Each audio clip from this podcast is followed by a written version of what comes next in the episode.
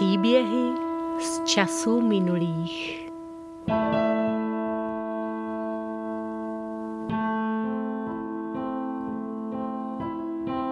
Z hlubin času k nám opět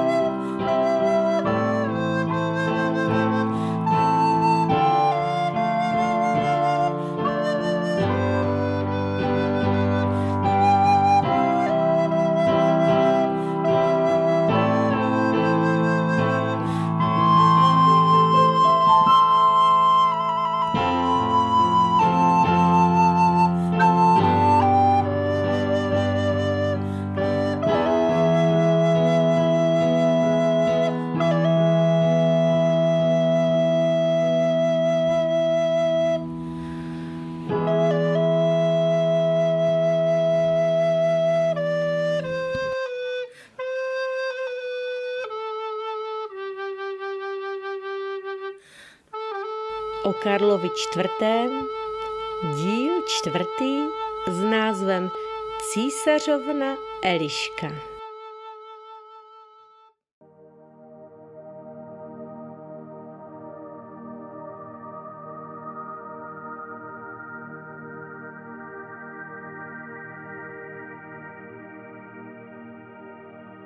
Divné to bylo.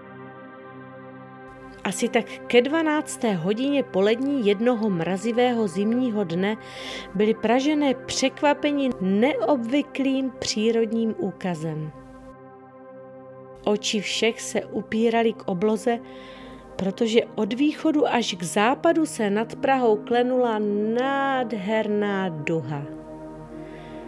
Takto vybarvená je vidět i v létě jen málo kdy. A teď dokonce byla vidět i v zimě. To je nevýdané. Urozené paní se vykláněly z oken svých sídel, aby i oni viděli tu nevýdanou věc. Nemohli se přece jít podívat ven jako ostatní. To by se o nich říkalo, že jsou zvědavé a to nechtěli připustit. Hm.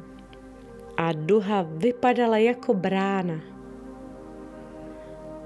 Jistě je to boží znamení, které nám má něco říci, mínil někdo a hned se k tomu také podávalo vysvětlení.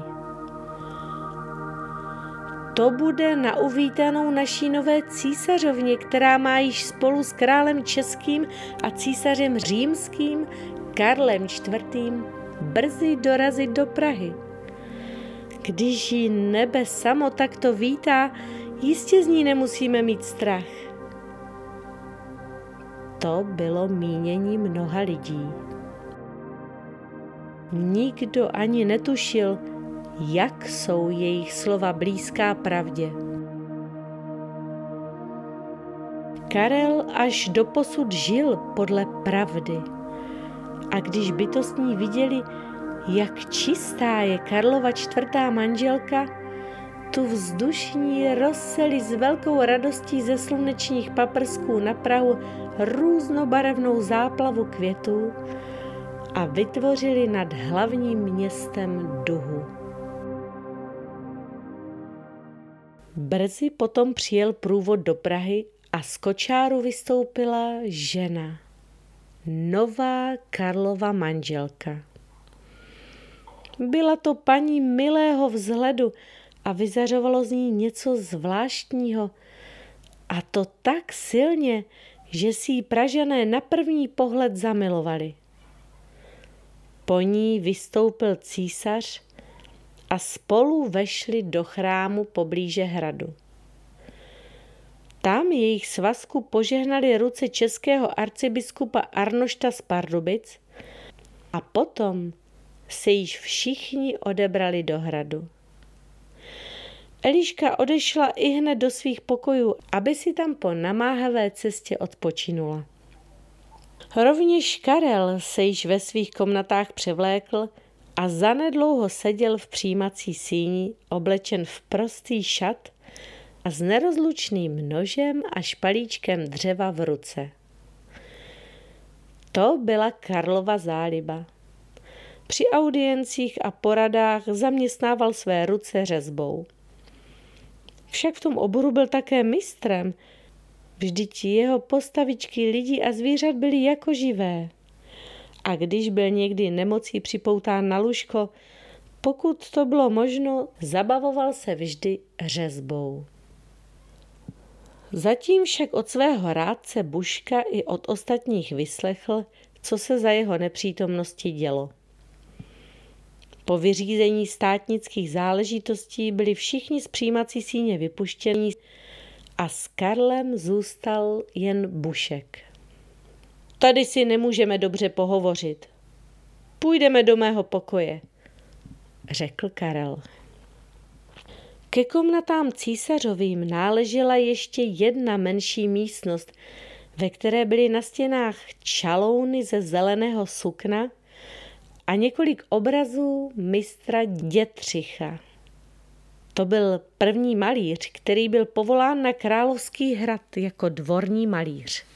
Vždyť si to také zasloužil svým uměním, které Karel dovedl ocenit. A jakožto dvornímu malíři mu byla od Karla udělena různá uznání a také byl od něho obdarován statky zemskými. Jako další milá výzdoba této místnosti bylo paroží jelena, na kterého si zachoval Karel hezkou vzpomínku, když jeho zásluhou objevil horký pramen v Karlových varech. Z nábytku zde byl jen dubový stůl a dvě židle. Nábytek to byl prostý, ale bohatě vyřezávaný. Za císařem a buškem vstoupilo do místnosti páže, na stůl připravilo poháry a doneslo ve stříbrné konvici víno. Potom poháry naplnilo a odešlo, zanechavši konvici na stole. Na co mi připiješ první pohár, Bušku? ptal se Karel v radostné náladě. Ty víš, co to bude. Budu ti přát štěstí ve tvém čtvrtém manželství a věř mi, že bych ti přál, aby bylo nejspokojenější ze všech. Tak na to si připíme. Poháry o sebe zazvonily a Karel se rozhovořil. Snad se, Bušku, tvé přání vyplní. Alespoň povaha Elišky tomu nasvědčuje. Již to je na ní milé, že se jmenuje jako moje matka. Však ty znáš můj život od mládí, Bušku, řekl Karel a pohladil si svůj hustý, doposud tmavý vous. Blanku jsem si přivezl do Prahy, když jí bylo sedmnáct let. To bylo tenkrát, když mě otec učinil markrabětem v mé dědičné zemi. Ty jsi byl se mnou a tak víš, jak to tenkrát v Čechách vypadalo. A víš také, co Blanka vnesla do mého srdce i do mé země za zmatek. Ona se nehodila za českou královnu, matku svých poddaných. Její způsoby, které se mi sem snažila zavést, byly ryze francouzské a to se mi nelíbilo. Sám víš, že jsem chtěl, aby zde na hradě i na nádvoří dýchal život český. Jí vadilo, když jsem se od ní vzdaloval. Stále mě chtěla mít kolem sebe, slyšet ode mě slova obdivu a na to jsem neměl čas ani chuť. I když se mi upřímně miloval. Přál jsem si, aby mi žena rozuměla a podporovala mě svým životem a to zase neuměla ona. Ani byly v mém životě dvě. Obě dobré i milé. Anna Falcká byla povahy energické, ale milé a snášenlivé. Také ona jako Blanka mi darovala po roce našeho manželství syna. Měl jsem tehdy velkou radost a říkal jsem si, že to je skutečný nástupce. Chtěl jsem, aby se i lid radoval z malého krlevice Václava, ale byl mi zase vzat. Proč mi ho Bůh vzal? Víš, Bušku, přiznám se ti, že hral jsem tehdy na život i na osud, což však byla chyba. Jistě jen proto kvůli mé nespokojenosti mě Bůh potrestal ještě více a krátce po smrti Hošíka mi vzal i Anu, dříve než mohla mít další děti. Císař se chvíli odmlčel, vzdychl, upil z poháru a potom pokračoval. Mou třetí ženou byla Anna Svídnická. I ona byla hodná a snažila se mi rozumět a i ona mi dala děti. Ale nechtěla stále věřit, že ji mám rád. Svou lásku se mi tehdy dokázal, když se nám po dcerách narodil syn. Dal jsem chlapce znovu pokřít jménem Václav. Sám Arnošt ho křtil. A potom jsem dal malého kralavice zvážit. A přesně tolik, kolik vážil, tolik jsem dal vydat zlata z klenotnice na výstavbu kostelů. A jo. Má radost však netrvala dlouho. Anna i její synáček během šesti týdnů zemřeli. Zase jsem byl sám. Je to zvláštní. Císař a král a je sám, nemá nikoho. Teď však přišla Eliška. Hm, jaký život mě s ní asi čeká? Zůstane mi?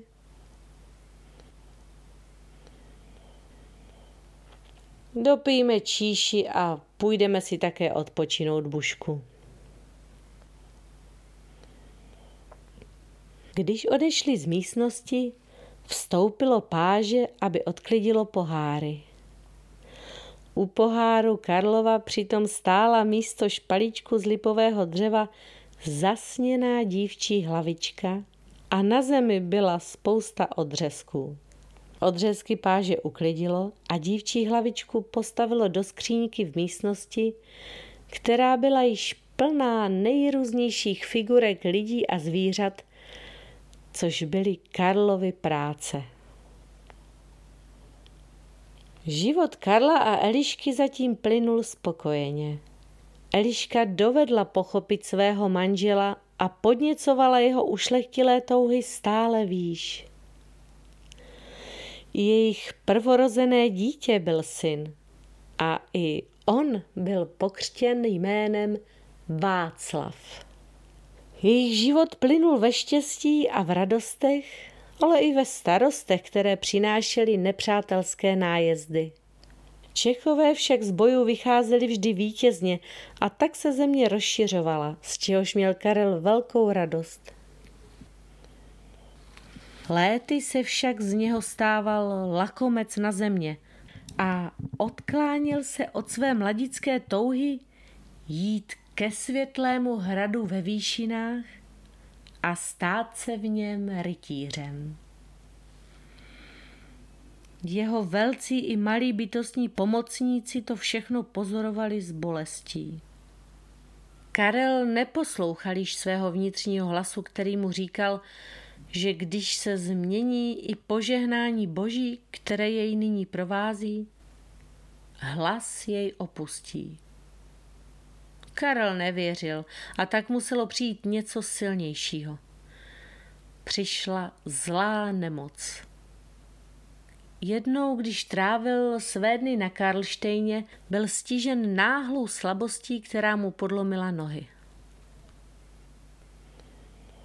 Velké horkosti obklopují hlavu panovníkovu, oznamoval Elišce rychlý posel, který přijel z Karlštejna. Její Karel a ona u něho není. Zde také nemůže zůstat. Co má dělat? Jen klid, klid, šeptalo to v ní a ona slyšela. Její jemný duch vycítil mluvu bytostných. Jdi na Karlštejn, ale jeď sama na Karlův hrad. Její duše prosila Boha vroucně o uzdravení Karlovo. Tak vroucně a pokorně, že se její modlitba nesla rychle k výšinám a byla seslána pomoc. Cestou uprostřed přírody si začala pomalu uvědomovat, proč musel Karel tak náhle onemocnět. Jakoby viděla jeho myšlenky před onemocněním. Je to možné? její Karel, že by sám chtěl jít do boje proti klidným zemím?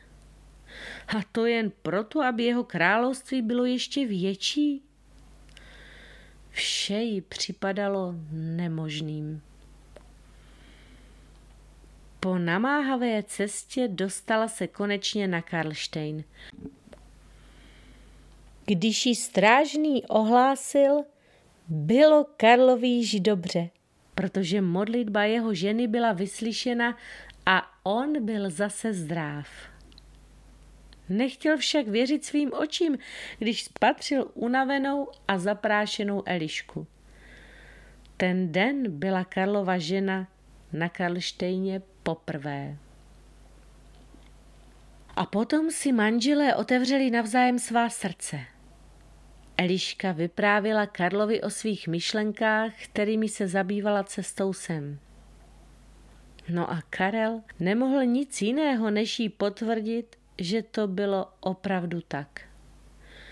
Sám o nich při onemocnění přemýšlel a styděl se za ně. Bylo mu, jako by mu někdo říkal. Nesmíš se spronevěřit svému poslání. Chtěl si být přece knížetem míru, když tvůj duch dlel ještě ve věčných zahradách. Ty víš, co je to kníže míru. Znamená to mnoho.